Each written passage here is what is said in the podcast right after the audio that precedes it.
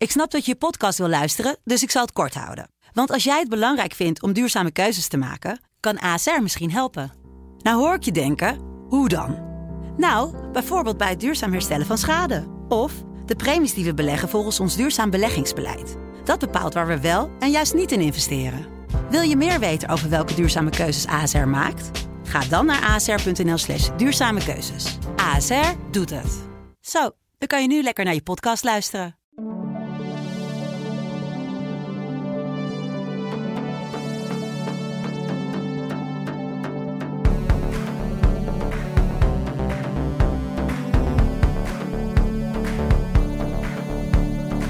Diodata, Katja. Goed hè? Ja, Richard, moet ik zeggen. Anders weet de luisteraar niet wie je bent. goeiedag. Diodato komt eh, als pauzeact, uh, intervalact moeten we zeggen. De eerste semi in Turijn. Ja, fijne goedmaker vind ik dat voor hem. Ja, waarom vind je de Ja. goedmaker?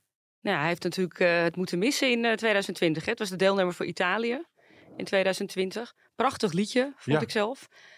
En nu krijgt hij toch nog de kans om op het Eurovisiepodium te gaan staan. Ja. Dat is toch fijn? Nou, we twee jaar geleden hadden we, hadden we geen songfestival, maar een uitzending vanuit Hilversum Ja, studio. ja. Mede op gang gezet door Sietse Bakker. Ja, Goedemorgen. Welkom. goeiedag. Eh onze gast, welkom. Dat was eh, een hectische tijd twee jaar geleden. Ja, absoluut. Zo'n pandemie zie je van heel ver aankomen. En dan denk je in het begin, nou, dat zal wel loslopen. Het zal wel daar blijven. Hè. Dat dachten we natuurlijk allemaal in januari en misschien zelfs nog in februari. Nou, toen kwam het naar Europa. Italië eigenlijk als eerste Ja. heel, hard, eh, heel hard getroffen. Toen, ik denk eind januari begon bij ons wel iets te dagen van dit kan nog wel eens een ding worden. Eh, nou, de rest is geschiedenis. Het Mhm. Songfestival ging voor het eerst in eh 65 jaar niet door. En dat was natuurlijk in de eerste plaats een hele bittere pil voor die deelnemers. Dus dat hij als, als Italiaanse vertegenwoordiging voor het Songfestival van 2020 dat niet doorging, nu toch op dat podium staat, notabene in Italië. Ja, dan is de cirkel toch rond. Zeker omdat dat nummer natuurlijk ja, toch een soort anthem was voor die pandemie. Hè? Dat zongen mensen uit de, uit de ramen ja, in, eh, ik in kan me Italië. de filmpjes nog herinneren. Ja. Nou ja, dat is nu, nu een periode die we langzaam maar zeker achter ons proberen te laten. Dus het is ook een soort afsluiter van een moeilijke periode. Hoe kijk je erop terug? Heb je even? Ja. Ehm, nou, het is sowieso een hele bijzondere tijd. Omdat je iets heel moois mag doen voor je land. Mhm. Iets neerzetten waar je hopelijk dan heel Nederland trots op is.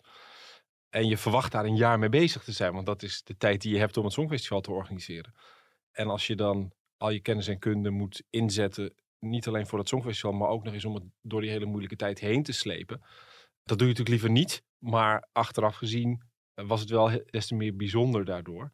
En ik ben heel trots op wat we met elkaar hebben neergezet. Dus ik kijk er uiteindelijk toch met, met heel veel plezier en met heel veel mooie herinneringen aan terug. Nog heel even hè, over die tijd. Wa- Wat neem je ervan mee? Zijn er dingen overgebleven dat je, oh, die, dat houden we voortaan?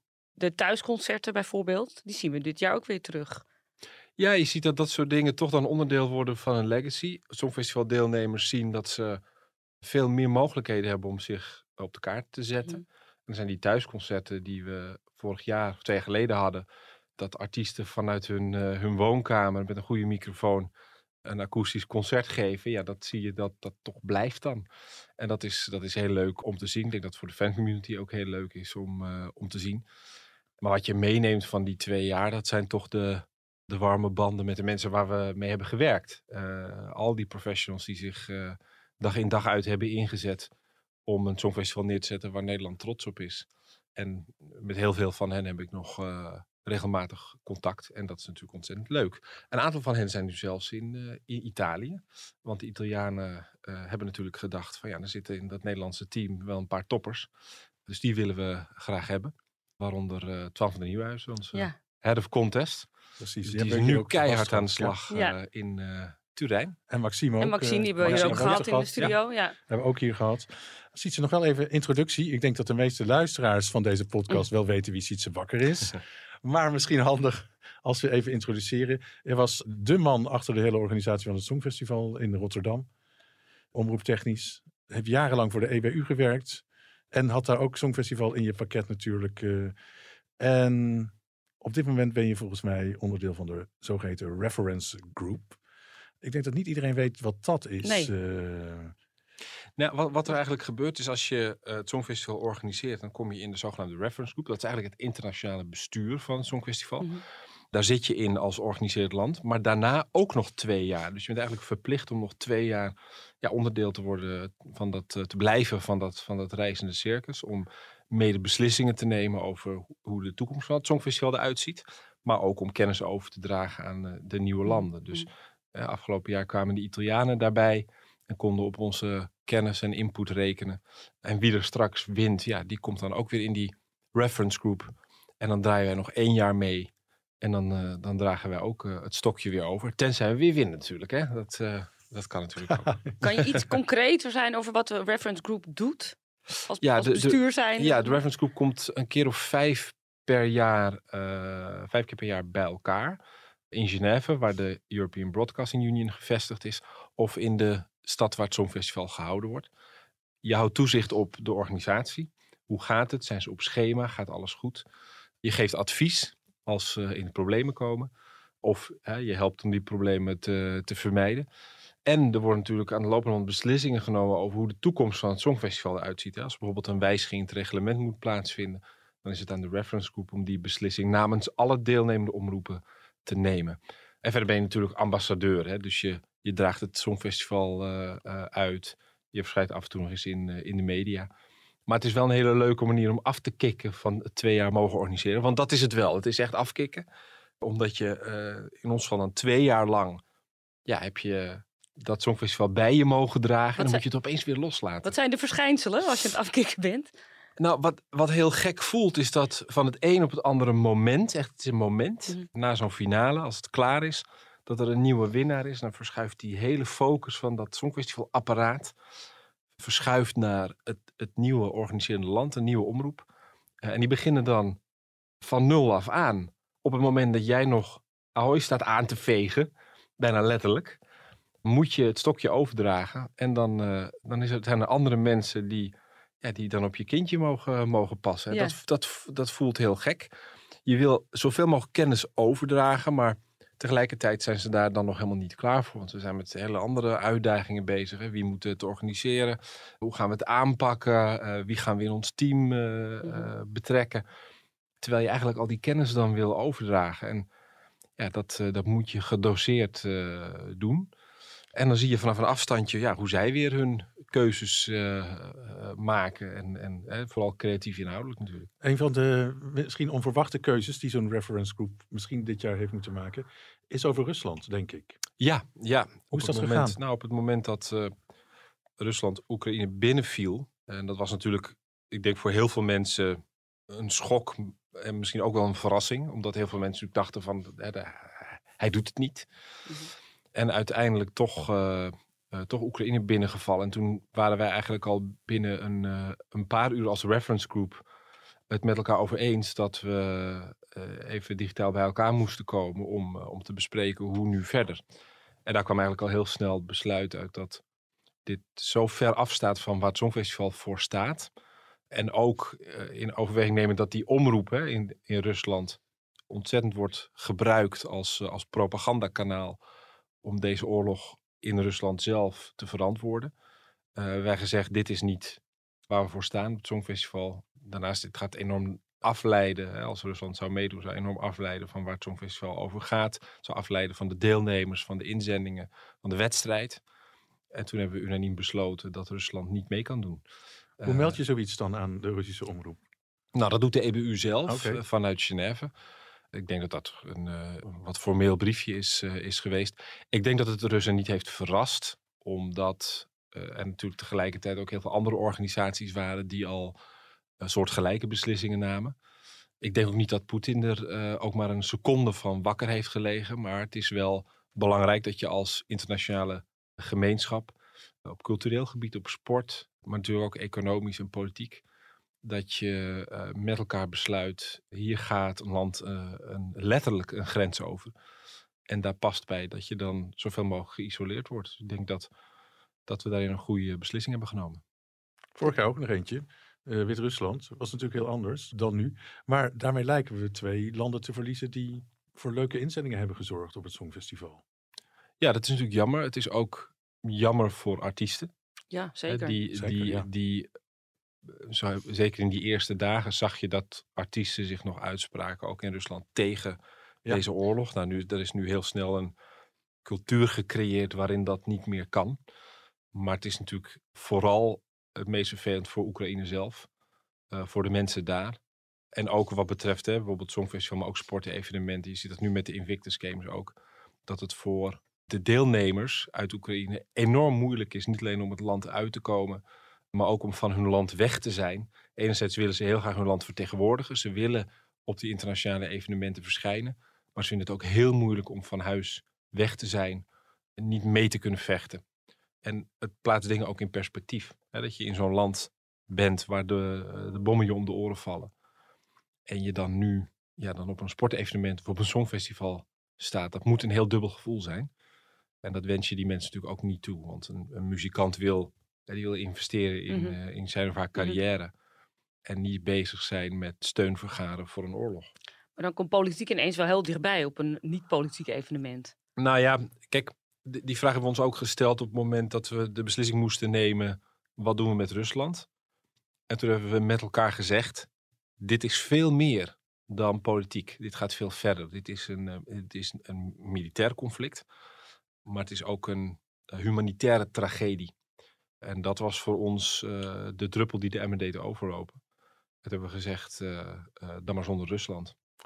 Toch even terug naar, naar, naar je eigen liefde voor het Songfestival. Er is een moment geweest dat jij ook enorme liefde voor dit evenement kreeg. Ja, dat dat is inmiddels ook alweer ruim twintig jaar Ja. geleden. Het begon in, in 2000. Eigenlijk op de middelbare school. Liefde voor een meisje uit een klas hoger. En die was een heel groot Songfestival-fan. Een soort van poging om indruk op haar te maken. Een, een Songfestival-site gestart. En dat, eh, dat liep lekker uit de hand. Zes jaar later voor de EBU gaan werken. In de eerste plaats om de online tak op te zetten. Dat was natuurlijk een hele bijzondere tijd. Hè? 2006, eh, de opkomst van YouTube, social media, smartphones kwamen heel snel daarna. Daarna communicatie gaan doen. En sinds 2011 eh, event supervisors. Dan ben je toezichthouder op de organisatie. Dat heb ik ook zes jaar gedaan. Tot 2016 in Stockholm. Ja, en toen, eh, toen won Nederland en belde de NPO, eh, kun je komen helpen? En de rest is history. Ja, je zei ooit tegen mij in het vliegtuig van Tel Aviv naar Nederland werd ik al aangesproken door de Avrotros. Ja, toen hadden we eh, stiekem al even een kopje koffie gedronken. Maar toen, ja, toen moest de winst nog eh, behaald worden. Dus dan, dan probeer je daar toch discreet over te zijn. Want voor hetzelfde geld lukt het niet. En dan wil je ook geen hoogmoed verweten worden. En toen zijn we eigenlijk al de maandag na de winst eh, bij de NPO bij elkaar gekomen om eh, de lijnen uit, eh, uit te zetten. En dat was maar goed ook, want je hebt weinig tijd. Je denkt je hebt een jaar, in ons geval dan twee jaar. Mhm. Uh, maar je denkt, je hebt een jaar de tijd om dit te doen. Dus dan kun je maar beter uh, meteen beginnen, want er moet enorm veel gebeuren. Is een jaar te kort? Eigenlijk wel. En dat heeft te maken met uh, dat bijvoorbeeld heel veel goede locaties. Ja, die zijn, als je nu kijkt naar Ahoy of uh, de, de Ziggo Dome of de Gelderdoom. Over een jaar, daar staan allemaal evenementen gepland ja. al. Dus hè, mocht je het Songfestival winnen, dan moet je op zoek gaan naar een locatie die ook bereid is om uh, evenementen te gaan verplaatsen dat maakt het ingewikkeld. Nou, en daarnaast, je moet goede mensen vinden. Die moeten ook hun agenda's allemaal vrijmaken. Goede mensen hebben vaak ook al heel veel mooie dingen uh, opgeleid staan. En dan is er nog uh, het dossier aanbestedingen. Ga ik je niet mee vervelen. Uh, maar zo'n Europese aanbesteding voor allerlei technische middelen. Dat duurt gewoon even. En die tijd moet je nemen. want in januari wil je je leveranciers op orde hebben. Dus dat maakt dat zo'n jaar eigenlijk net te kort is. Maar je zult ermee moeten doen.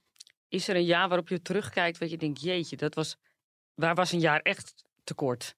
Nou, ik denk wel eens hè, dat, dat dat eerste jaar dat we het Songfestival in Nederland organiseerden. Daarvan denk ik wel eens, als we het in 2020 hadden moeten doen, dan was het niet zo goed geweest als ja, oké, okay, maar je hebt twee jaar, jaar... dat je we extra je hadden. Ja, um, maar dat geldt voor ieder jaar blij als ja. je daar twee jaar voor gehad had natuurlijk. Ja, zeker. Uh, maar je wordt er wel mee geconfronteerd op het, op het moment dat je het zelf mag organiseren. Dat is een hele andere koek dan Mhm. toezicht houden op zo'n organisatie. Om dan te zien hoe weinig tijd je eigenlijk hebt. En dat je eigenlijk net even twee maanden meer de tijd zou willen hebben. Maar goed, zo heeft elk jaar zijn bijzondere uitdagingen. Ik denk aan het jaar in Baku. Hè, dat je uh, nog niet eens een locatie hebt. Hè, die hele arena hebben ze gebouwd. Ik weet nog dat we daar in januari in de blubber stonden. Oh, het lijkt me Uh, zonder alleen nog, alleen Ja. nog palen. Ja, Eh, terwijl je eigenlijk eh, begin april moet beginnen met bouwen van een decor. breekt het zweetje er niet uit? op dat Zeker, moment? Ja. zeker. Ja. Ja, de rest zijn wel even wat, eh, wat woorden gevallen die ik niet hier eh, Ja. in de microfoon kan herhalen. daar kan ik me alles bij voorstellen. Nee, waar je ook een kijkje, dat is ook wel interessant, eh, jarenlang achter de schermen hebt genomen of toezicht moeten houden, is de puntentelling. Vinden we natuurlijk altijd een van de spannendste onderdelen van het Songfestival. Ah, ik wil eigenlijk heel graag weten, wat doet het met een land hè, als het wint? En hoe hou je dat geheim, eh, die halve finale uitslagen? Op een gegeven moment zie je toch dat een land misschien wel kans maakt, want dan moet je toch alvast gaan masseren, denk ik. eh. In de eerste plaats, die puntentelling van die halve finales, die natuurlijk al heel veel weggeven. Want Mhm. als je, zeker als je naar zo'n top 10 kijkt, ja, dan zie je wie er bovenaan staan. Ja. En daar zal, hè, of de Big Five in de finale, of het gastland, of een van de, nou ja, nummer 1, 2 uit de halve finales, daar zit de winnaar tussen. Het groepje mensen dat de uitslag van die halve finales weet, is heel klein. Ik denk vier, vijf mensen maximaal. Dat is even op dat moment het best, geheim, het best bewaarde geheim van, eh, van Europa. Het is belangrijk om dat geheim te houden, want dat maakt dat die uitslag tijdens de finale extra spannend is. Nou zien de deelnemende omroepen zelf ook al, bijvoorbeeld bij de bookmakers en bij de, bij de, bij de, bij de fansites, de media, dat ze favoriet zijn.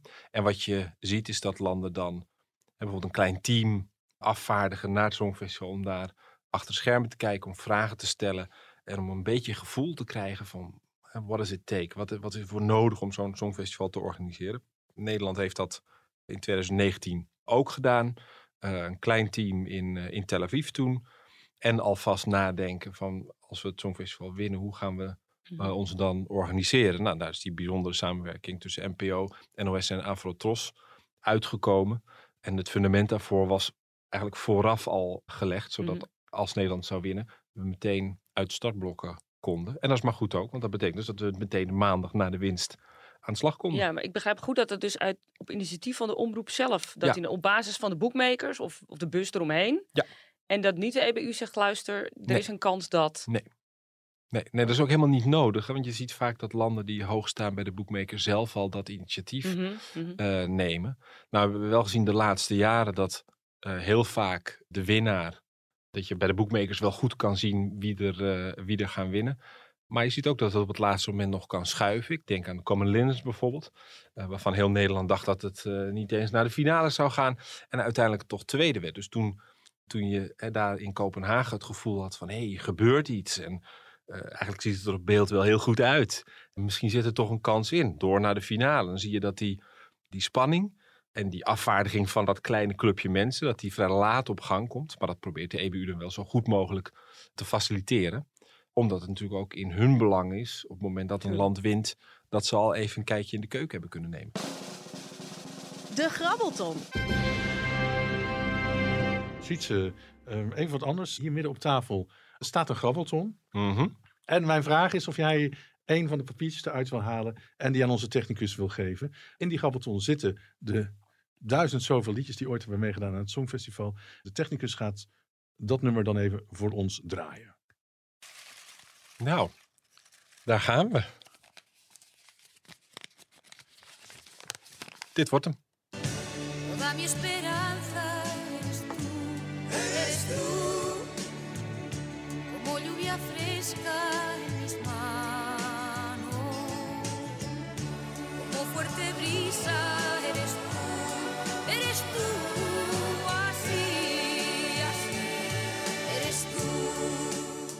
Richard, Nou, je- dit is doorgestoken kaart, lijkt wel. Jij stopt er iedere keer een top 3 in die, in die grabbelton, volgens mij de avond van tevoren hier op de redactie, of niet? Dit is wel heel opvallend hoor. Staat op alle briefjes hetzelfde misschien. Eh, Nou, het is een beetje, maar goed. Oké, ja, er is toe. er is toe.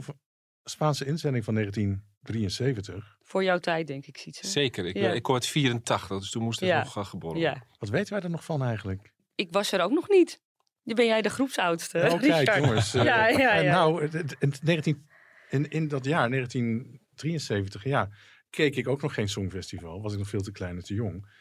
Maar ik heb dus ook niet zo vreselijk veel herinneringen aan dit nummer. Behalve dan dat ik het later wel eens teruggekeken het is een heb. klassieker natuurlijk. En het lied, het, mijn moeder zat het altijd mee te hummen in de keuken.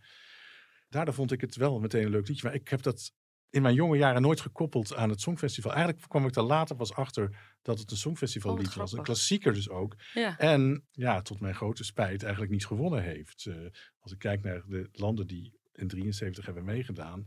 Luxemburg heeft natuurlijk gewonnen. Annemarie David. En Cliff Richard werd derde.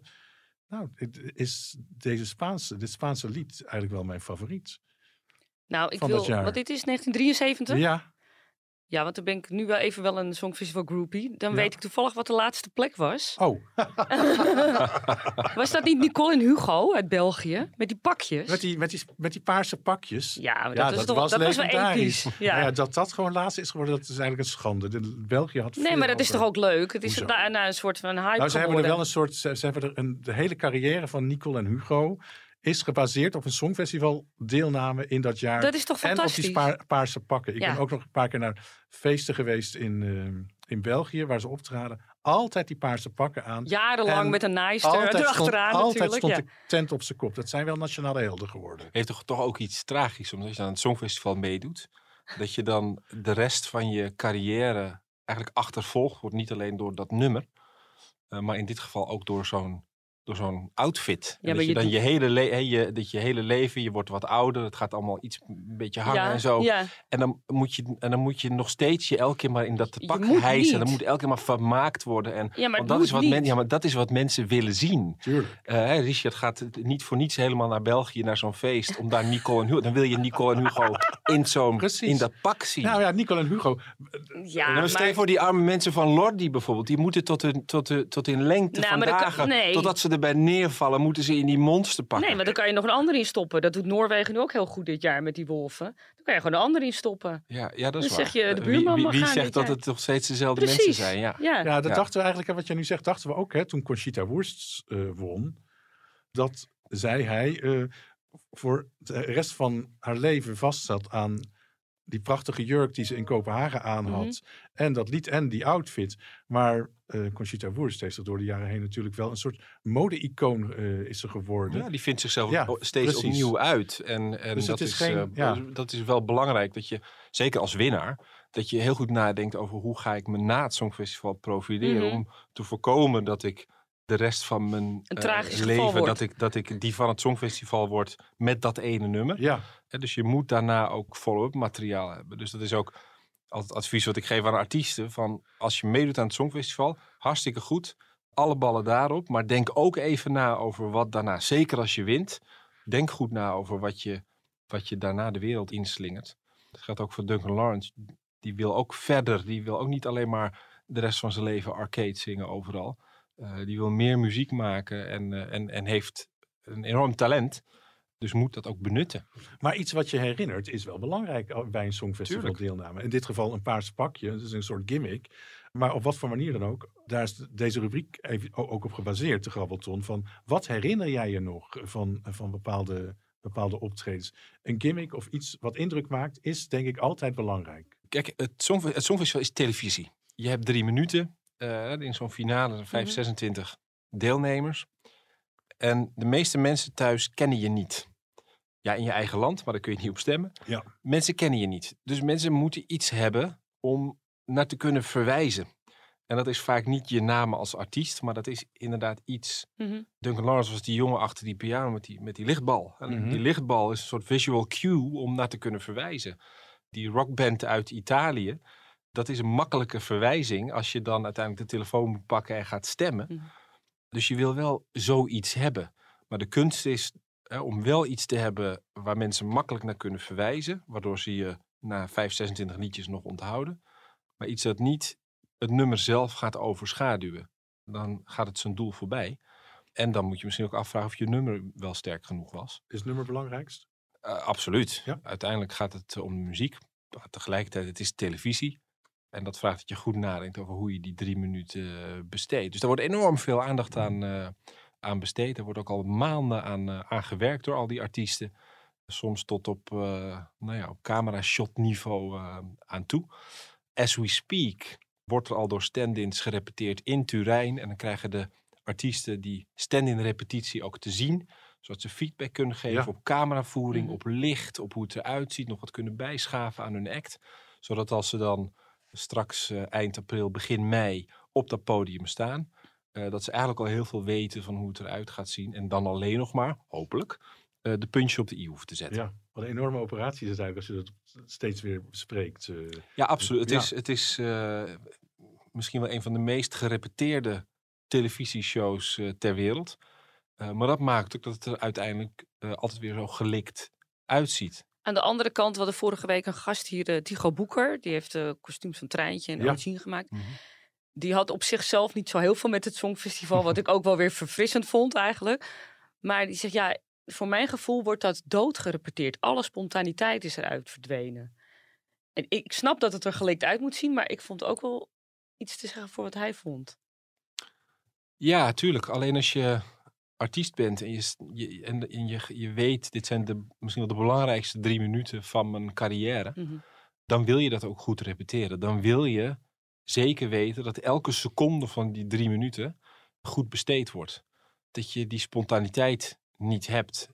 Dat is jammer, maar er is de rest van je carrière nog heel veel ruimte voor spontaniteit. Die drie minuten, die moeten gewoon perfect niet zijn. op het Songfestival, dat is duidelijk. Ja. Elke week eh, bespreken we in eh, Songfestival Koers vijf liedjes, vijf inzendingen die dit jaar meedoen. We hebben de afgelopen zeven uitzendingen al eh 35 inzendingen besproken. Vandaag de laatste eh, vijf. Voordat we doen, kijken we eerst even naar de bookmakers. Dan zien we toch iets opvallends. Al, alhoewel het de laatste weken behoorlijk eh, stabiel blijft. Dus altijd natuurlijk in de weken in aanloop op de repetities. Op één staat nog steeds Oekraïne, twee Italië, drie Zweden, vier Verenigd Koninkrijk. Maar op vijf is de opmars toch wel van Spanje. Komt ineens bij die bovenste vijf terecht. En op zes staat nog steeds eh, Polen. Nederland staat negende en België op een zestiende plek. Ik ben, ik ben, ja, je weet dat ik alle social media afstruin. Ja, En al die fanmedia en clubs, die houden allemaal pols. Ik hou het allemaal niet meer bij hoor, want dat is mij te veel. Maar ik zie de hele tijd Nederland opkomen als winnaar bij die polls. Bij Maar goed, dat zijn, wel, dat zijn wel de fans. Ja. Dat zijn niet de mensen die allemaal die zaterdagavond in mei gaan kijken. Maar dan voel ik mij toch weer de spanning opkomen zo. Dit is ook traditie. We, zou- we- we zouden het bijna vergeten na de winst eh, in 2019. Maar dit is toch altijd wel een beetje de periode dat we in Nederland gaan denken dat we gaan winnen. Hè? Dat, is, dat, dat zag je altijd. Eerst is, zijn mensen wat in mineur van oh, het wordt niks dit jaar op het oh Songfestival. ja, denken en mensen dan, dat? komt zo, en, dan, en dan begint zo'n nummer begint een beetje eh, te werken. Dan krijgen we er vertrouwen in. En uiteindelijk denken we dan in die Songfestivalweek dat we, dat we gaan winnen. En dat was dan vaak niet zo. Tot 2019 natuurlijk.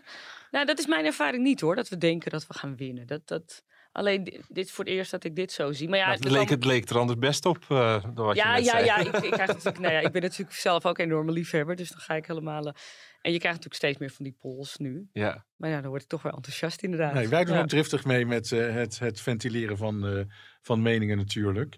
Van die 40 landen hebben we afgesproken dat we er 13 uitroepen tot een topper, 13 tot middenmotor en de overige 14 landen die meedoen tot eh, niet finale waardig, tot flopper. En van die toppers mag je er ook steeds drie aanwijzen als potentiële winnaar.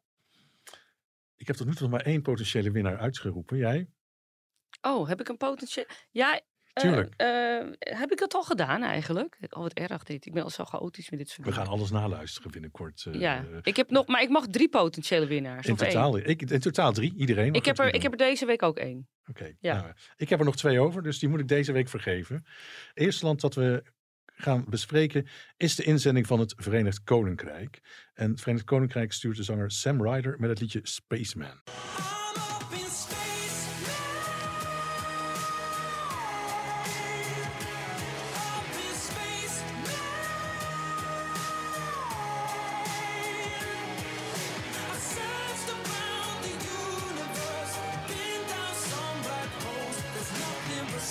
Als jij iets wil zeggen, even je hand omhoog eh, steken. Ja, Spaceman. Ik blijf dit nummer maar draaien en draaien en draaien. Hard ook trouwens. Eh, buren hebben nog niet geklaagd. Dat vinden ze- waarschijnlijk ook een prachtig lied. Ik vind eigenlijk de beste song van dit Songfestival. eh, dit Spaceman eh, Oh. uit het Verenigd Koninkrijk. Geweldige stem. Goede opbouw van het lied. Mooie melodie. Nu maar hopen dat het Verenigd Koninkrijk ook op het podium er iets van kan maken. Want daar hebben ze niet een bepaalde goede staat van dienst. Al moet ik ook zeggen, dit nummer heeft misschien ook helemaal niet zoveel nodig om indruk te maken. Wat mij betreft hè, en, het- is het Verenigd Koninkrijk met dit nummer gewoon herrezen uit de waardeloze decennia die het achter de rug heeft. Ik hoop dat ze dit, eh, dit, deze kwaliteit blijven houden. En ik neem het niet alleen een topper, maar ook een potentiële winnaar. Weet jij wat Sam Ryder hiervoor deed? Nee, ik denk het niet. Ik ken hem eigenlijk alleen als TikTok-zanger. En hij is ook de meest bekeken TikTok-zanger ter wereld op een gegeven ogenblik. Nou, moet je toch even op YouTube Ja, gaan kijken, wil ik je aanraden. Hij zat in metal bands, ruim tien jaar geleden. Ah. Heel ander geluid natuurlijk. ik heb even gekeken gisteren. Dat is heel wat anders. Daar zien we een wat jongere Sam Ryder, hij is natuurlijk nog niet zo oud. Die in allerlei metalbands zat en een echte metalhead was. Hè? Een fan van Iron Maiden Mhm. verstokt. Heeft toch een, een kleine verschuiving gemaakt naar een ander genre. Eh, eh, vanwege de lockdown, die heeft ook goede dingen gebracht. Is hij op TikTok eh, cur- covers gaan brengen. En eh the rest is history, Ja, zullen we maar zeggen. Het grappige is, ik ben geconfronteerd met mijn eigen vooroordelen over het Songfestival. Want puur omdat dit het Verenigd Koninkrijk was, dacht ik, nou, zal weer niks wezen. Dat had ik En- lange tijd ook bij Griekenland. Oh, nou, daar hebben we het eh, buiten de uitzending nog even over. Dus ik dacht, nou ja, eh, zal wel, weet je wel. Aardig liedje, leuke song. Totdat ik naar Eurovision in concert ging twee weken geleden. Ik ben weggeblazen door die jongen. Echt waar. Wat een charisma, wat een gunfactor. En die staat daar alsof hij nooit iets anders heeft gedaan. Want ik begreep dat de AFAS zijn eerste grote, echt grootste publiek is ja, ja. geweest. Nou, dat kon je er niet aan afzien. En eh, ja, ik denk ook aan een potentiële winnaar. Ja, grappig hè, hoe dat gewoon kan omslaan. Ja, laat, ik kijk Sietse even aan. Ja, die mag natuurlijk niks zeggen over de Zeker inzending. Oh wel? Oh Ja, wel? Nu mag ik best iets zeggen over inzending. Oh, dat wist ik niet. ja. Nee, eh, wa- waar ik heel blij mee ben is dat de BBC eindelijk moeite doet. Echt moeite doet om er iets van te maken. Eh, ook heel slim om iemand te kiezen met een enorme schare fans op, eh, op TikTok. Ja, dat is natuurlijk ook wat Maneskin Ja. afgelopen jaar ervoor heeft gezorgd dat er op het Mediapark na het Songfestival gillende meisjes in de hekken hingen om die band eh, te, eh, welkom te heten. Ja, wat ik hoop is dat er nu ook resultaat komt. In de UK eh eh, leveren de, de, de vooroordelen over het Songfestival eh, enorm. Eh, nobody loves us. Maar Het toch het wordt iedereen steeds niks. jaar. Iedereen Ja, kijkt. het is een eh, relatief absoluut. grote... Absoluut, maar wel, maar wel met, met groot eh sceptisch. Ah. En ik hoop dat, eh, dat dat vooroordeel dit jaar eh, de kast in kan. En dat ze, het, dat ze het gewoon goed gaan doen. Want dat zou eh, meer dan verdiend zijn. We hebben nog een panel eh, die we ook elke week vragen om hun mening te geven. En we, we luisteren even kort wat zij zeggen over de inzending van het Verenigd Koninkrijk. Ik denk echt dat ik onder een steen heb gelegen, want Sam Ryder is al razend bekend bij miljoenen mensen en ik heb er nog nooit van gehoord. Maar gelukkig laat het Songfestival me nu kennis maken met deze charismatische jongen met geweldige stem. Het gaat natuurlijk vooral om het nummer en godzijdank ook deze ligt helemaal in mijn straatje. Vernieuwend is het niet, maar er zit alles in wat ik wens in een lied. Opbouw, power, een brug, een climax en een zachte landing terug op aarde als de UK het niet compleet verkloot met de staging, en dat kunnen ze regelmatig wel eens doen, hebben ze grote kans om voor het eerst sinds tijden een mooie plaats in het linkerrijtje te bemachtigen. Ze verdienen het echt. Voor mij is het een absolute topper. Sam Ryder is een bijzondere man die mensen blij maakt en die de oorworm van het jaar award binnensleept. Eerst stond deze blije gast bij mij op niet-finale waardig, toen op middenmoot en nu twijfel ik of ik hem naar het linkerrijtje met toppers ga promoveren. Dat zou een ongelofelijke stunt zijn. Dan zou hij op de plaats komen van Polen, dat ik dan een plaatsje zou moeten laten zakken. Ik hou de spanning er nog even in. Je hoort het straks wanneer we Polen gaan bespreken. Volgens mij moet dit de winnaar worden van Eurovision. Want ik vind het zo'n ontzettend gave lied. Gewoon niet alleen voor een songfestivallied, maar sowieso gewoon voor een lied. Dit is mooi, dit heeft Beatle-invloeden. Dit lied wordt samen met Space Oddity van Bowie en Rocketman van Elton John... eh, de- het, het trio van eh, Engelse liedjes die over space gaan. Ik vind het echt super mooi gedaan. Ik vind de, de zanger echt ontzettend leuk. Hij doet het gigantisch goed op TikTok. Dus ik denk dat, er, dat veel mensen Europa-wijd op hem gaan stemmen. Ehm, ik vind de clip ook heel erg leuk. Maar ik ben heel benieuwd eh, wat voor shows er dan eh on stage van gaan maken. De, kortom, eh, voor mij dus de topper en de top drieër en de winnaar. The United Kingdom komt eindelijk weer eens met een artiest die houdt van het Eurovisie Songfestival en denk ik eigenzinnig genoeg is om de delegatie tegen te spreken als ze weer op de proppen komen met props waar niemand iets mee heeft. Als dit geen top 10 wordt, dan zou ik als ik de directeur van de BBC was die hele delegatieleiding een enkeltje Siberië geven. Ja, bijna hebben we de koffers gepakt voor Turijn en eh, Engeland. Sam Ryder zal er zeker zin in hebben. Een dijk van een stem. Hij brengt met Spaceman eh, echt een power ballad naar eh, het Songfestival. Ze staan vierde bij de bookmakers, maar ja, ik denk toch dat ze met het Brexit- Brexit-sentiment te maken gaan krijgen. Eh Engeland eh, ja, doet het eigenlijk al heel lang niet goed. Ehm, nul punten vorig jaar. Deze man is wel sympathiek. Ik sprak hem bij Eurovision in concert. Heeft veel humor. Want het gerucht ging dat zijn haar zou stinken. Nou, ik heb het even getest. Absoluut niet waar. Elke ehm, dag of om de twee dagen was dit met shampoo. Eh, hij zingt wel af en toe alsof hij eh, een trap in zijn kruis heeft gekregen. eh, maar ook weer heel sterk. Ik zeg een topper. Het Verenigd Koninkrijk heeft dit jaar toch wel echt een hele andere koers gekozen. En ik denk dat het een goede koers is. Eh, Spaceman is echt een goed nummer, eh, goed gezongen. Ja, het is voor mij niet echt een typisch songfestivalliedje. Voor mijzelf is het een middenmotor, maar ik verwacht er wel heel veel van. En voor het eerst mikt het Verenigd Koninkrijk weer op de winst. Aim for the moon. If you miss, you may just hit a star, zegt men wel eens. En dat kan zeker kloppen in dit geval. Deze inzending is zo far out of space gek nog niet. En dus finale waardig. The United Kingdom is back, zou ik haast willen zeggen. Want waar het decennia lang toch uitzonderlijk slecht ging met de inzendingen uit Engeland, zo fantastisch revancheren ze zich dit jaar met Sam Ryder en zijn Spaceman. Want wat een goed liedje is dit, mensen. Geweldig. Niet voor niets wordt dat beloond, want bij de bookmakers staan ze al wekenlang hoog in de top 5. En ik voorspel dat dat ook zo gaat blijven dadelijk tijdens die grote finale. Want zowel het publiek als de jury gaan hiervan smullen. Niet in de laatste plaats vanwege het zeer intrigerende stemgeluid van Sam Ryder. Misschien wel de allerbeste stem die ik tot nu toe gehoord heb op het festival. Let ook even op die laatste tonen van dat nummer.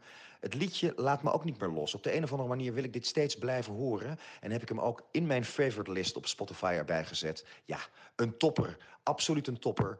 Goed gedaan Engeland. 12 points voor de United Kingdom. Nou, het leuke van ons panel is dat we het heel vaak oneens met elkaar zijn. En dat de, de, de, de, de tegengestelde meningen. eh, nou ja, dat is, dat is wel fantastisch eigenlijk. Hoe, Maar hoe komt Aran nou bij dat stinken van het haar? Is hij in de war met Finland of zo? ja, Finland. Ja, maar dit klopt niet. Dat vind ik zielig voor die jongen van Engeland. Hij heeft prachtig haar. Dan merk je niet zo op televisie. Nee, dat, Dat is, is waar. waar. Dat is waar. Achtereenvolgens hoorde je net bij onze panelleden Corrie van Songfestival Forum. Edwin Kleijs, Margreet de Heer, Frank Otten, Aran Wade, Johnny van Riel, Jens Geerts en Joris van der Zanden. En Edwin Kleijs eh, onthulde het al. Volgende land dat we gaan bespreken is Polen. En Polen stuurt de zanger Christian Ochman met het liedje River.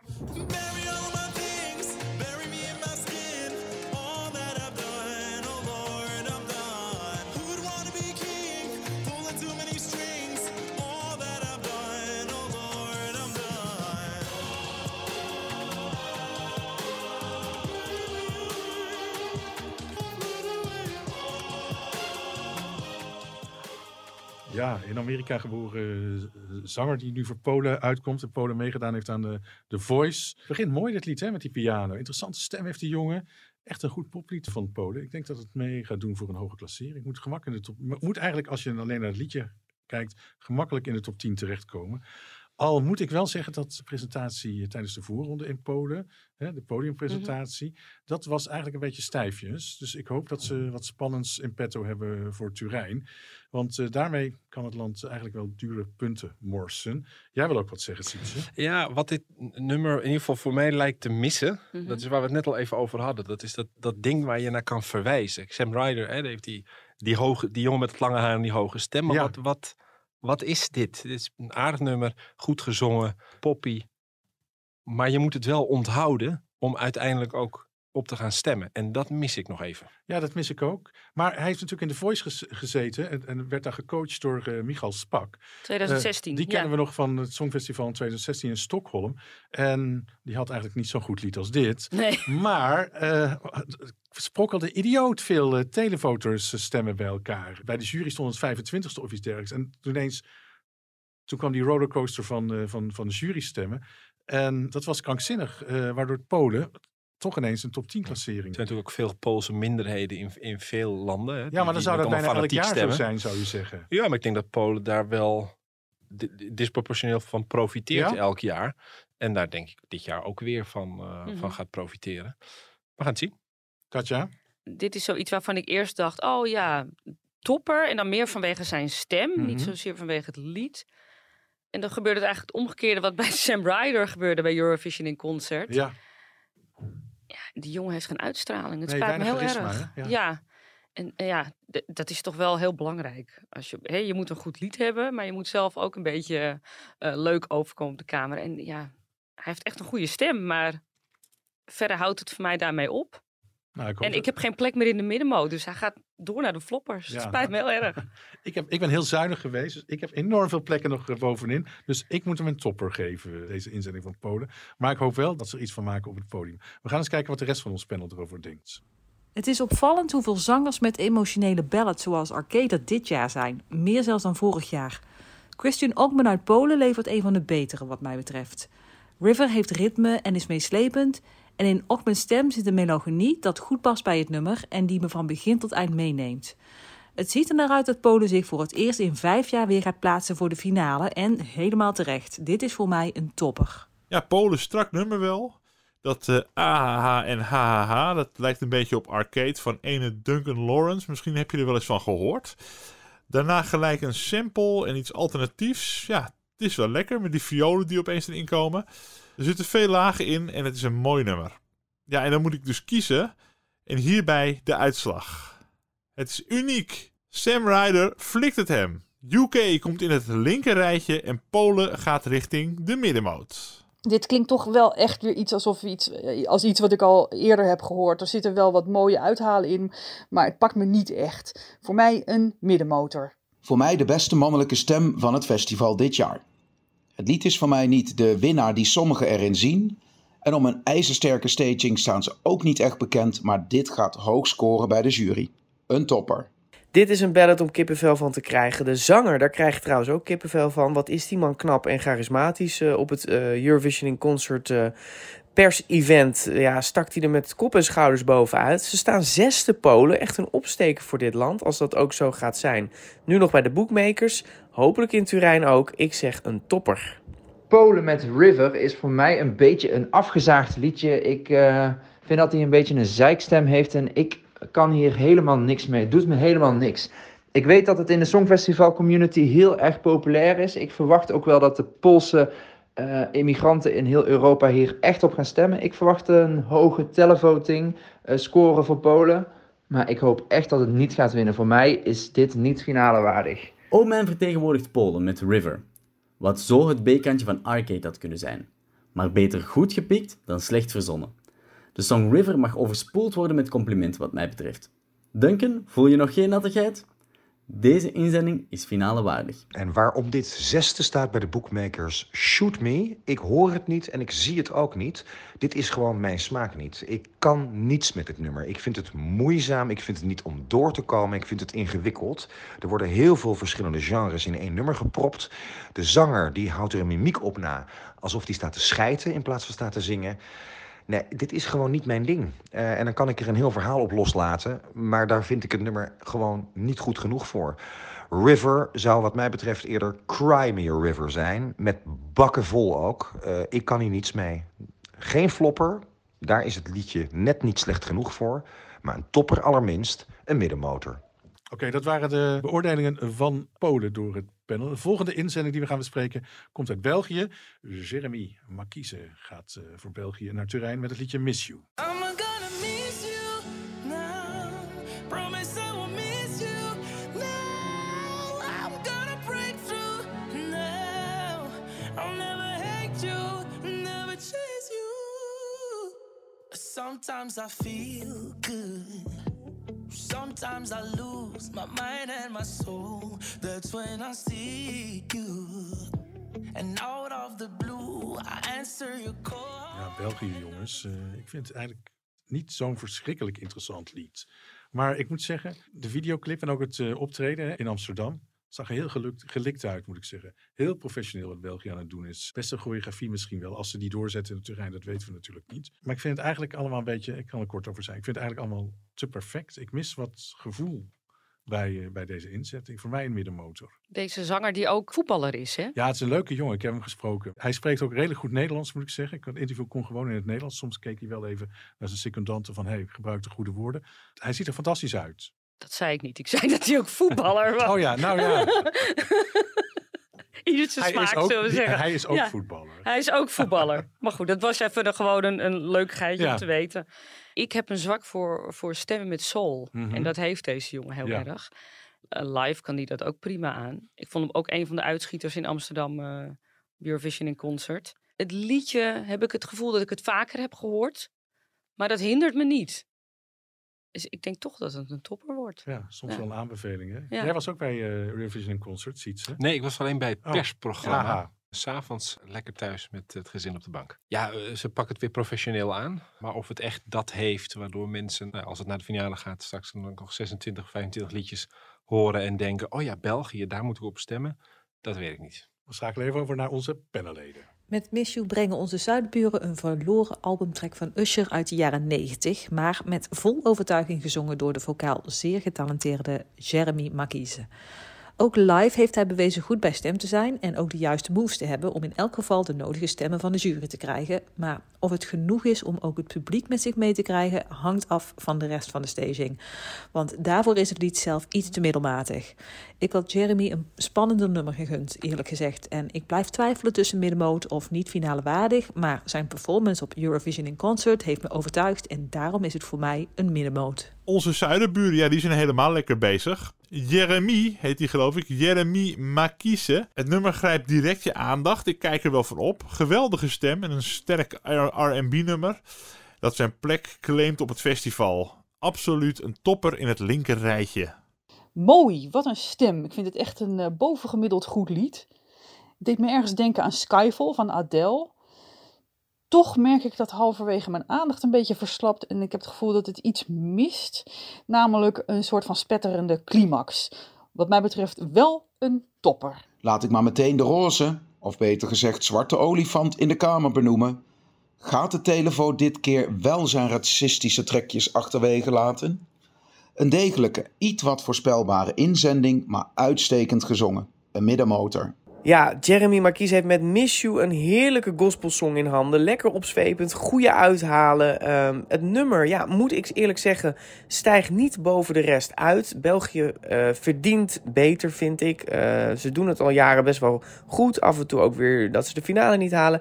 Ik denk dit jaar finale en dan middenmotor. Miss You mist voor mij een beetje eh, een climax. Het, het blijft een beetje te veel hetzelfde. Het begint echt heel sterk en heel goed, maar op het einde had ik graag nog een gospelkoor gehad of, of, of wat meer eh, kracht. Al moet ik wel zeggen dat ik zijn live versie bij Eurovision in concert wel echt goed vond. Hij kan goed zingen. eh, de act zit volgens mij, ik denk dat het goed in elkaar zit. Dus zeker een goede inzending voor België. Voor mij een middenmotor. Toen mijn thuisland België aankondigde dat Jeremy naar het Songfestival zou gaan met het nummer Miss You, was de boodschap duidelijk en mijn gevoel wederzijds. Ik mis al heel lang een potentiële Belgische Songfestivalwinnaar sinds Urban Thread in 2003. Als het van Jeremy zelf afhangt, wint België dit op zijn sokken. Jeremy heeft de looks, de stem, de moves. Alleen kan ik het nummer Miss You niet nazingen zonder over te gaan in de hit Dirty Diana van Michael Jackson.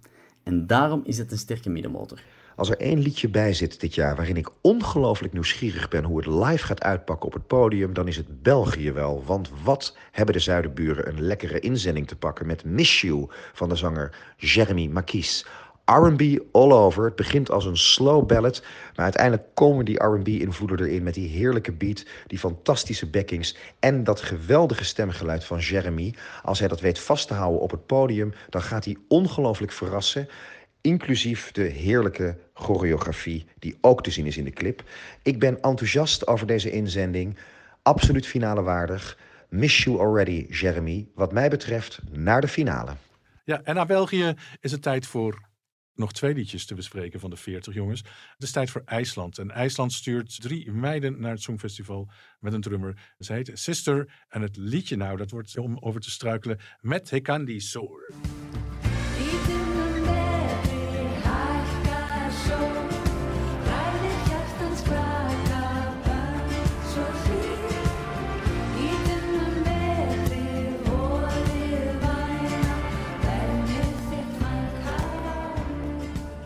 Deze dames lijken rechtstreeks uit de jaren zeventig te zijn gestapt. Uit zo'n, uit zo'n film.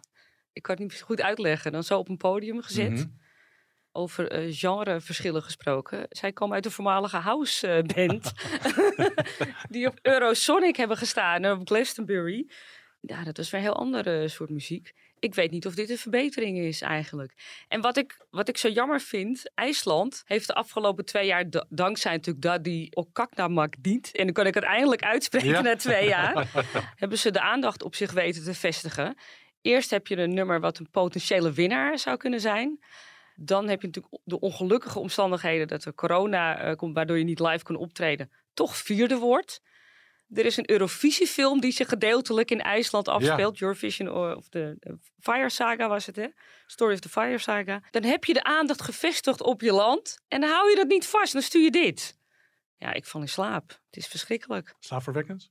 Ik vrees dat dit de Europese sanitaire stop wordt eh, eh, dit jaar. En dat is heel jammer, want dat zijn wel dames met vocale kwaliteiten.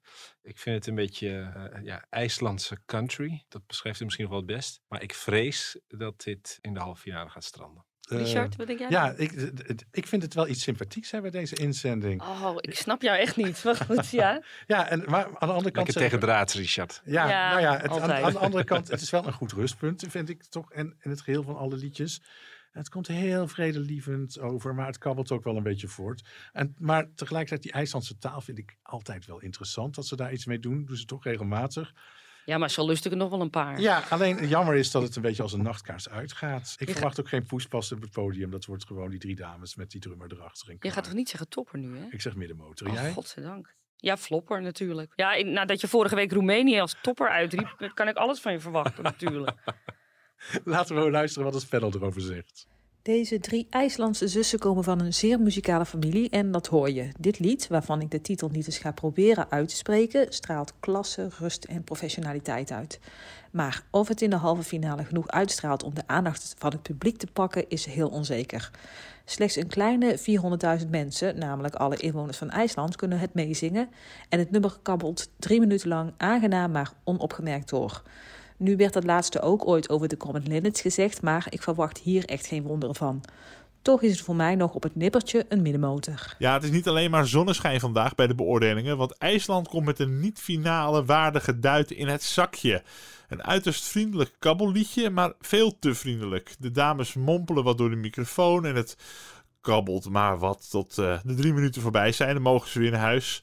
En wat mij betreft mogen ze heel vroeg weer naar huis. Het is wel sfeervol voor in een arthouse film, maar niet voor op het podium van Eurovision.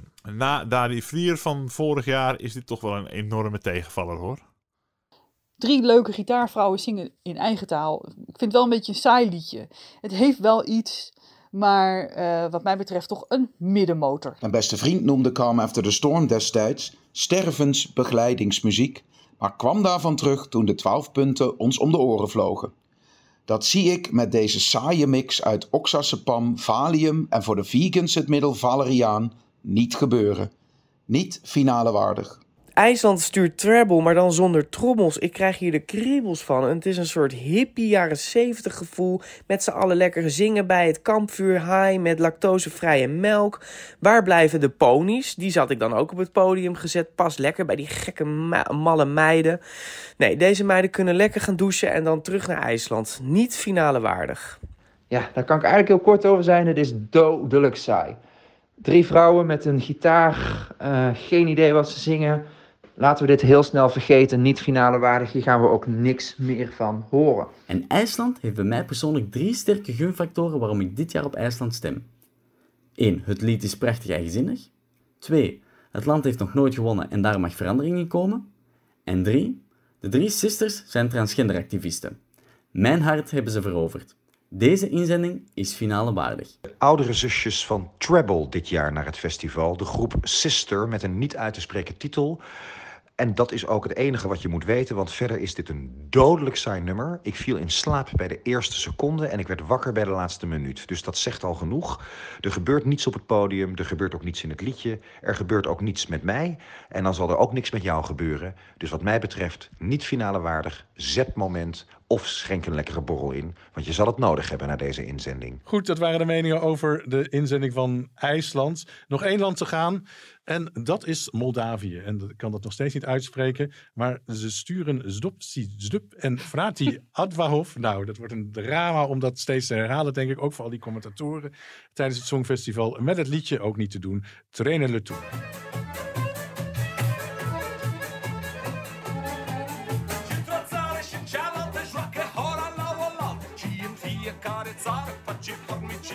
Wil jij hem weer pakken? Ja.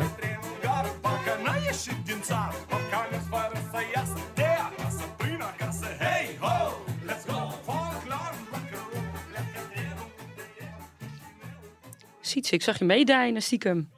Ja, dit is een van de redenen dat ik van het Songfestival hou. Dit, dit soort nummers vind je eh, in ieder geval in de rest van Europa alleen op het Songfestival. En ik denk dat de, de kijker, de luisteraar, dit soort dingen ook voorbij wil, wil zien komen. Ik denk dat het heel goed gaat doen. Volmondig eens met Sietse, moet ik zeggen. Je hoorde trouwens net een stukje van de live video, niet van de officiële video van dit nummer. Dat is afgelopen week op de YouTube-kanaal van de Eurovision eh, geplaatst. En ik had het nog niet gezien. Het is natuurlijk een band die we al kennen. 2005 en 2011, even uit mijn hoofd, hebben ze ook al meegedaan. En als ik die liedjes vergelijk, dan denk ik, dit is van die drie liedjes gewoon echt het verschrikkelijk leukste, leukste van die drie.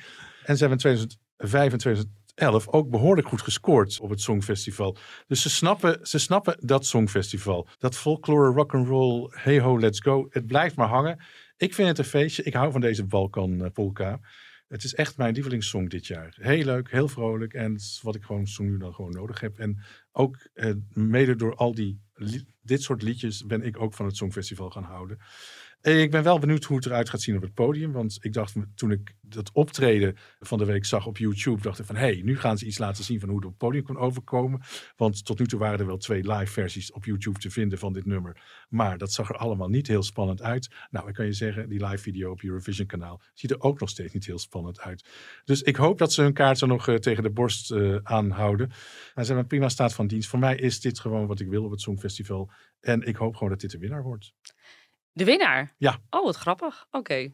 Nou, dat, dit kan, kan ik niet heel erg oneens mee zijn. Zou heel erg leuk zijn natuurlijk. Maar ik ben niet zo bang voor de live uitvoering. Dit, dit staat gewoon al. En het is al een feestje om naar te luisteren op zich. En die band heeft zich al bewezen hè, in 2006 en 2011. Dat gaat altijd wel goed, denk ik. Dus dit wordt wel een top 10. Ja. Wat ik leuk vind, is dat je ze letterlijk ouder ziet worden. Omdat ieder decennium terugkomen. Ik denk, oh, ze bestaan nog.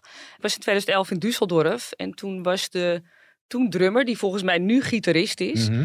Die had, dat was een soort eh, Elton John lookalike. Heb je daar al eens op gelet? Nee. Nou, dat is wel grappig. Ik kwam die gast tegen in de Euroclub. Ik had geen idee wie het was. Ik denk, nou, ik, moet, ik zeg, sorry, je bent echt twee druppels water. Dat haar en die bril, nou, dat vond hij heel erg grappig. Vervolgens heb ik hem eh, heel lang Elton genoemd en dan zwaaien, weet je wel. En toen zag ik hem op de persconferentie van Moldavië. En ik, oh, het is een lid van de band. nou, ik had echt geen idee. ja, je onthoudt niet al die gezichten natuurlijk. Maar hij zit er dit jaar ook weer bij, maar eh, ietsje ouder geworden. Ja. topper. Voordat we naar de, eh, onze panel gaan luisteren, even Sietse. Kun jij die optredens van 2005 en 2011 nog herinneren van deze band? Nou, ze zorgde er in ieder geval voor dat het een feestje was op het podium. Snapte ook inderdaad hè, dat je iets visueels moet hebben, met hoedjes geloof ik. Eh, wa- waardoor mensen na, oma, die, na die Die oma op de 25 liedjes, ja. na die 25 liedjes denken, van, oh ja, we gaan we daarop stemmen. Eh, dus ik hoop dat ze dat nu weer hebben gedaan. Ik moet zeggen, het nummer, ik vind het een beetje als Cotton Eye Joe klinken. Dat heeft wel iets herkenbaars, Ja, waardoor mensen thuis denken, oh ik heb dit eerder gehoord. Waardoor mensen misschien ook alweer net iets beter opletten. Goed, het panel. Hey ho, let's go. Voor het derde decennium op rij geven de mannen van Zdopsidoep een feestje op het Songfestival. Ze zingen over de trein van Chisinau, de hoofdstad van hun thuisland Moldavië, naar Boekarest in Roemenië. Een land waar ze in veel opzichten mee verbonden zijn. Het gaat over de reis van oost naar west en de vele overeenkomsten tussen de twee landen. Een ontzettend vrolijk nummer met een serieuze en zelfs actuele ondertoon, welke waarschijnlijk aan veel mensen voorbij zal gaan. Ik hoop dat de energie die de mannen in de clip en in hun voorgaande Eurovisie-optredens lieten zien, ook tijdens de halve finale voor genoeg stemmen gaan zorgen. Want wat mij betreft is dit een topper en zeker finale waardig. Richard, je hebt het beste voor het laatste bewaard. Wat een heerlijk feestnummer. Een viool, een trommel en een fluit. En een vrolijk deuntje en we gaan los. Als je dit niet voelt, dan ben je een zure snuit. Het nummer staat samen met Italië en Oekraïne in mijn top 3. Gefeliciteerd. Dit was mijn laatste beoordeling voor dit jaar in Songfestival Koorts. Ik wens jullie allemaal een heel fijn Songfestival 2022 in Turijn. Veel plezier. Ik vind het een ontzettend leuk filmpje wat erbij zit. Met een echt een, eh, eh, een narratief erin, een verhaal eh, in de trein. Dus ik wilde het gewoon meteen al hartstikke leuk vinden. Maar ik moet eerlijk, wel eerlijk zeggen dat het liedje zelf me niet heel erg pakt. Als je dan toch het genre folklore hebt en je wil het met rock and roll gaan eh, vermengen, dan had het echt wel beter en origineler gekund. Maar wat mij betreft toch een topper, want het is een heerlijk vrolijk lied. Nou, dat was hem weer. Veel plezier met de opname morgen. Doeg! Zigeunermuziek die doet waar het voor bedoeld is. Het bloed laten stromen om weer zin te krijgen in een lekkere, lange en onbezorgde reis vol avonturen. Het nummer valt iets te veel in herhaling, maar met Moldavië weet je het nooit, dus een topper. Save the best for last. Dit opzwepende en vrolijke lied eh, van Moldavië doet mij drie minuten lang glimlachen. De twee broers met de viool en de accordeon, ja, die gaan het doen op het podium. Ik sprak ze toevallig eh, van de week nog in. eh, zij zaten toen in Moldavië, ze hadden er zin in. Ze hebben wijn in de koffer gestopt. De vrouw van de, de leadzanger, die heeft de jurken gemaakt. Ik moet zeggen de kleding. Ze gaan niet in jurken voor het geval dit helemaal misgaat. Maar ja, ze hebben alleen geen verrassing voor op het podium. Dit is wat je gaat zien, zeggen ze gewoon zoals we er staan. En vooral de zanger is een Songfestival-veteraan. Die is al sinds 2005 op het Songfestival te vinden. Vraag me niet wat hij daar al die tijd heeft gedaan. Maar goed, hij staat er nu. Ik vind dit fantastisch, lekker opzwepend en vrolijk. Ook wat we nodig hebben. Ik zeg een topper. De studioversie doet me niks. Ik vind het eigenlijk heel erg herrie. En, ehm, Maar goed, toen waren ze bij Eurovision in concert. En toen die live versie. En ik, ik ging helemaal mee met de muziek. En er was een goede vibe. En de zaal reageerde er goed op. Dus ik zal dit nummer nooit opzetten. Maar live vind ik het echt heel erg leuk. Het is vermakelijk. Het is, eh, ze weten goed het publiek te bespelen. En als ze dat in Turijn ook doen, wie weet wat er voort eh, uit kan komen. Nou, ik denk voor, dat het niet finale waardig is. Maar ik verwacht stiekem toch wel dat er eh, ja, mensen op gaan stemmen. Juries weet ik niet, maar in ieder geval wel televote. Voor Moldavië ben ik kort. Hey ho, just go. Niet finale waardig. Zo, dit was het verdict van Jens over de Grens voor deze week. Love, love, peace, peace. Hey ho, let's go. Folklore en rock'n'roll. De Eurovisie-gedachte in twee zinnen verpakt. Dat is de strekking van het liedje Treneletool. Een infantiel liedje over een trein van de groep Zdop, Si, Zdup en de Advolhof Brothers. Mega irritant, maar o zo geestig. Wat een enorme glimlach zal achterlaten bij iedereen. Zowel in de zaal als voor de televisie. Dat gaat niet genoeg zijn om de finale te halen, is mijn voorspelling. Daar is de concurrentie domweg te moordend voor. En daarmee zal dit nummer roemloos ten onder gaan. En niet die finale halen. Maar leuk is het wel, deze gezellige, infantiele, uiterst irritante, maar o zo geestige bijdrage uit Moldavië. Nou, we zijn eruit. Eh, We gaan, eh, we gaan al die acht uitzendingen gaan we even naast elkaar leggen. En dan in de volgende eh, opname van Songfestival Koorts ga ik een overzicht eh, bekendmaken. Wat volgens ons panel en Katja mij trillen en beven. Ja. Nou ja, on- onze favorieten zijn. Toch nog even terug naar eh Sietse. Je kijkt dus ook, Sietse, eh, mee in de keuken van de Italiaanse Songfestival van dit jaar. Ja. Wat, wat kunnen we verwachten? Nou, sowieso denk ik weer drie waanzinnige shows. Eh die Italianen doen echt hun best eh, om er iets moois van te maken. Hebben natuurlijk ook wat in de fancommunity bekend staat als het trauma van 1991. Ja, een songfestival dat niet de geschiedenisboeken inging als een van de betere songfestivals. Dus ze hebben ook het gevoel dat ze iets eh, goed te maken hebben. Ze hebben drie waanzinnige presentatoren. Een, een heel eigenzinnig decor. Voor het eerst in jaren weer een decor waarin echt een element, hè, die bewegende zon, centraal staat. Heel nieuwsgierig naar. Ben ik ook heel nieuwsgierig naar. En eh, ik weet dat de Italianen voor hun opening acts en hun interval acts naast Diodato nog een aantal andere verrassingen in petto hebben.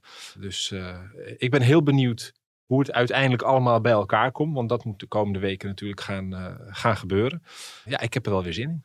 Wat ik net ook al aan je vroeg, maar misschien kun je daar toch nog iets over zeggen. Wat gebeurt er met een land als het Songfestival wint? Wat zie jij bij die mensen? Ja, die, het, het is, die het is, het is ongelooflijk overweldigend. Omdat je, je werkt met zo'n artiest, met zo'n hele delegatie, werk je naar zo'n moment toe. En als je dan uiteindelijk wint, dan eh, komt heel snel, echt binnen een paar minuten, komt dat besef van... Oh shit, nu moeten we het gaan organiseren. Ja. En met alles wat daarbij komt. Eh, en dat levert heel veel vragen op. Vragen vanuit de pers, vragen vanuit de bevolking. De politiek gaat zich er meteen mee bemoeien. Er gebeurt meteen heel veel eh, met je, terwijl je eigenlijk geen idee hebt wat er op je afkomt. Maar het is wel heel bijzonder, Mhm. omdat ik denk alle delegaties eh, hebben zich wel eens afgevraagd hoe zouden wij het aanpakken? Mhm. Wat, hoe, hoe voelt het om te winnen en om dat dan mee te mogen maken en zelf je tanden in dat Songfestival eh, te kunnen zetten. Ja, dat is echt een once in a lifetime. En over een paar weken is er weer een, misschien wel weer een nieuwe club. Of misschien blijft het weer in Italië, who knows. Ik ben heel benieuwd. Ja, wil elk land wel winnen? Dat ligt aan wie het vraagt. Eh, als je het mensen over, die over de centen gaan vraagt, misschien niet. Maar zo'n delegatie, eh, zo'n delegatie-leiding, de artiesten, eh, de mensen die het uiteindelijk mogen maken, ja, tuurlijk, die willen gewoon winnen. Daarvoor doe je mee eh, aan zo'n wedstrijd. Nederland wil ook gewoon weer winnen. Ik denk eh, dat we ons best Ja, zo doen. snel weer? Ja, ja, tuurlijk. Zo fantastisch om. eh, Oh, kijk, net als staat alweer klaar, Net zie je als dat? Zweden, Ja, die ja, ja. in 2013 en toen in 2015 weer eh, wonnen met Mans, uh, Mans Zelmerlev. Ja, zou fantastisch zijn, Ja, natuurlijk. dan hopen we maar dat Maastricht die, die zak geld nog heeft. God, dan moeten we tering en het reizen weer. Maar goed, ja, jij als Limburger vindt dat natuurlijk fantastisch. Ja, het is heerlijk als het in Ja. Maastricht zou ik al- alleen, ja. Nou ja, het Mac ben ik niet heel erg. Maar misschien hebben ze wat aan het dak verhoogd of wat dan ook. eh. ik hoop dat er dak iets moest eraf, hè, bij. Ja, ja, ja, ja. Goed. Er is nog één ding wat ik wilde bespreken. Ja, de want dat- dat- dat- accreditaties. sorry? De accreditaties. De accreditaties, ja. Want de, de, de reuring in Eurovisieland, het systeem is natuurlijk omgegooid dit jaar. Voorheen moesten de fanmedia zich bij de eigen omroep en hun eigen land melden. Nu bij de EBU. Ik begrijp dat het ook te maken heeft met de coronamaatregelen die nog gelden in Italië. Maar ik hoor allemaal bus rondgaan van willekeur en, en waarom die wel en waarom die niet. Kan je daar iets meer over vertellen? Uiteindelijk gaat de EBU daarover over in, eh, in Genève. Eh, die bepalen eh, wie in de fancommunity een accreditatie krijgt. Kijk, de uitdaging waar zij de afgelopen jaren mee te maken hadden, is dat eh, bijvoorbeeld fansites, dat die zich dan in heel veel verschillende landen proberen te accrediteren. En daar dan soms met tien mensen rondlopen. Nou, dat is misschien wat te veel van het goede. Eh, en door dat allemaal bij de EBU onder te brengen, hou je iets meer overzicht over hoeveel per fansite bijvoorbeeld, eh, hoeveel mensen er nou daadwerkelijk geaccrediteerd zijn. Mhm. Zodat meer verschillende outlets de gelegenheid hebben om daar eh, om erbij aanwezig te zijn. En dat betekent ook dat er inderdaad ja, mensen die, nou ja, ik zou bijna zeggen, gewend zijn om naar het Songfestival te gaan, Mhm. dat die een keer eh, achter het net vissen. En ik begrijp die teleurstelling heel goed. Mhm. Maar tegelijkertijd krijgen daardoor ook weer andere mensen de gelegenheid om naar het Songfestival te gaan en daar verslag van te doen voor de fancommunity. Want ik begrijp dat er nu meer influencers ook gevraagd worden. Ja, ik denk dat het goed is dat het Songfestival met zijn tijd meegaat. Mhm. Zeker dit jaar. We hebben natuurlijk een officiële samenwerking met, eh, met TikTok. Ehm, eh, dat het belangrijk is dat je enerzijds die fancommunity de ruimte geeft om verslag te doen van het Songfestival. Om dat gevoel op te pikken en dat ook uit te stralen naar de rest van Europa. Maar dat je ook ruimte biedt voor influencers die eh, het Songfestival niet 365 dagen per jaar volgen, maar wel een hele nieuwe doelgroep aanboren. En daarmee ook het Songfestival over de, een bredere doelgroep eh, populair maakt. Eh, en ik snap dat dat voor sommige fans een, een bittere pil is. Maar ik denk dat het echt goed is voor het Songfestival om, eh, om een wat bredere doelgroep eh, aan te trekken. Ja, ik begrijp zelf heel goed dat je, dat je een verfrissend iets wil. Hè? Dat je een beetje de, de bezem er doorheen wil halen, als ik het zo rigoureus mag zeggen. En dat je influencers vraagt. Maar wordt het niet lastig voor die... Ik, ik noem bijvoorbeeld een songfestival.be, die echt Mm. het hele jaar door heel hard werken. En nu het met één iemand moeten doen op het Songfestival. En dat is eigenlijk niet te doen. Als Ja, je in je denk- eentje verslag moet doen van alles. Ik denk dat het heel moeilijk is. Ik vind het ook moeilijk om op individuele gevallen hier, Het is eh, een voorbeeld, hier, hier hè? te reageren. Ja. Ik denk dat het wel heel eh, moeilijk is. En dat vraagt ook van, van fansites dat ze toch zich opnieuw uitvinden en een modus vinden. Desnoods door met elkaar samen te werken.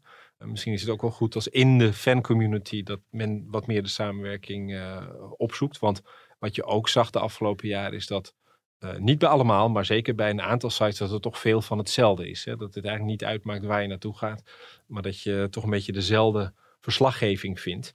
Dat, Eh, dat ben ik wel met je eens. Maar nu krijg je nog meer van. Als je met elkaar gaat samenwerken, dan krijg je natuurlijk nogal eenzijdige berichtgeving. Denk ik dan. Ik denk dat er nog steeds voldoende diversiteit is onder de geaccrediteerde fansites om dat te voorkomen. Maar je kunt natuurlijk ook op andere manieren met elkaar samenwerken. Hè? Door, eh, door keuzes te maken. Hè? Wat, wat gaan wij doen? Wat gaan jullie doen?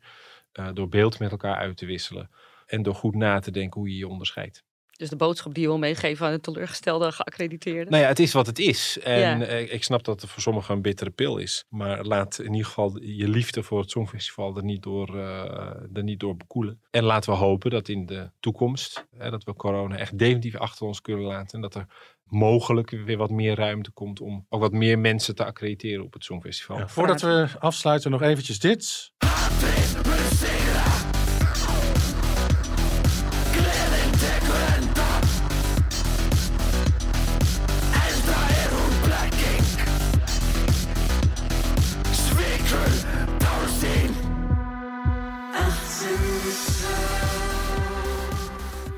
Van onze podcast elke week eh, even kijken of er nog interessante artiesten die meegedaan hebben aan het Songfestival nog naar Nederland komen. En in Tel Aviv kregen we altijd te horen dat dit nou de beste live band zou zijn van IJsland. En we kunnen het met eigen ogen gaan zien, want op 30 mei staan ze in de Melkweg in Amsterdam. Hat- Hatari eh, heet, de- heet, heet de band. Eh, nog een klein nieuwtje over jou, eh, Katja. Wij maken hier een wekelijkse podcast eh, met een, eh, inmiddels een vaste schare luisteraars. Maar je gaat in Griekenland ook een podcast opnemen. Ja, nou Griekenland loopt een beetje achter op eh, podcastgebied. Eh, daar komt binnenkort nu pas de allereerste Songfestival podcast uit. En eh, ik ben gevraagd om daar mee te werken. Leuk. We gaan ja. eh, veel succes. Dankjewel. En we horen graag hoe het, hoe het daar gaat. Dankjewel Sietse voor je komst eh, naar onze studio. En willen jullie reageren? Gebruik dan op social media de hashtag Songfestivalkoorts. Of stuur een mailtje naar podcast.telegraaf.nl. En je kan nog stemmen op ons op de Online Radio Awards. Ja, waar we het vorige week over hadden. Niet vergeten. Dankjewel en tot de volgende week. Tot volgende week.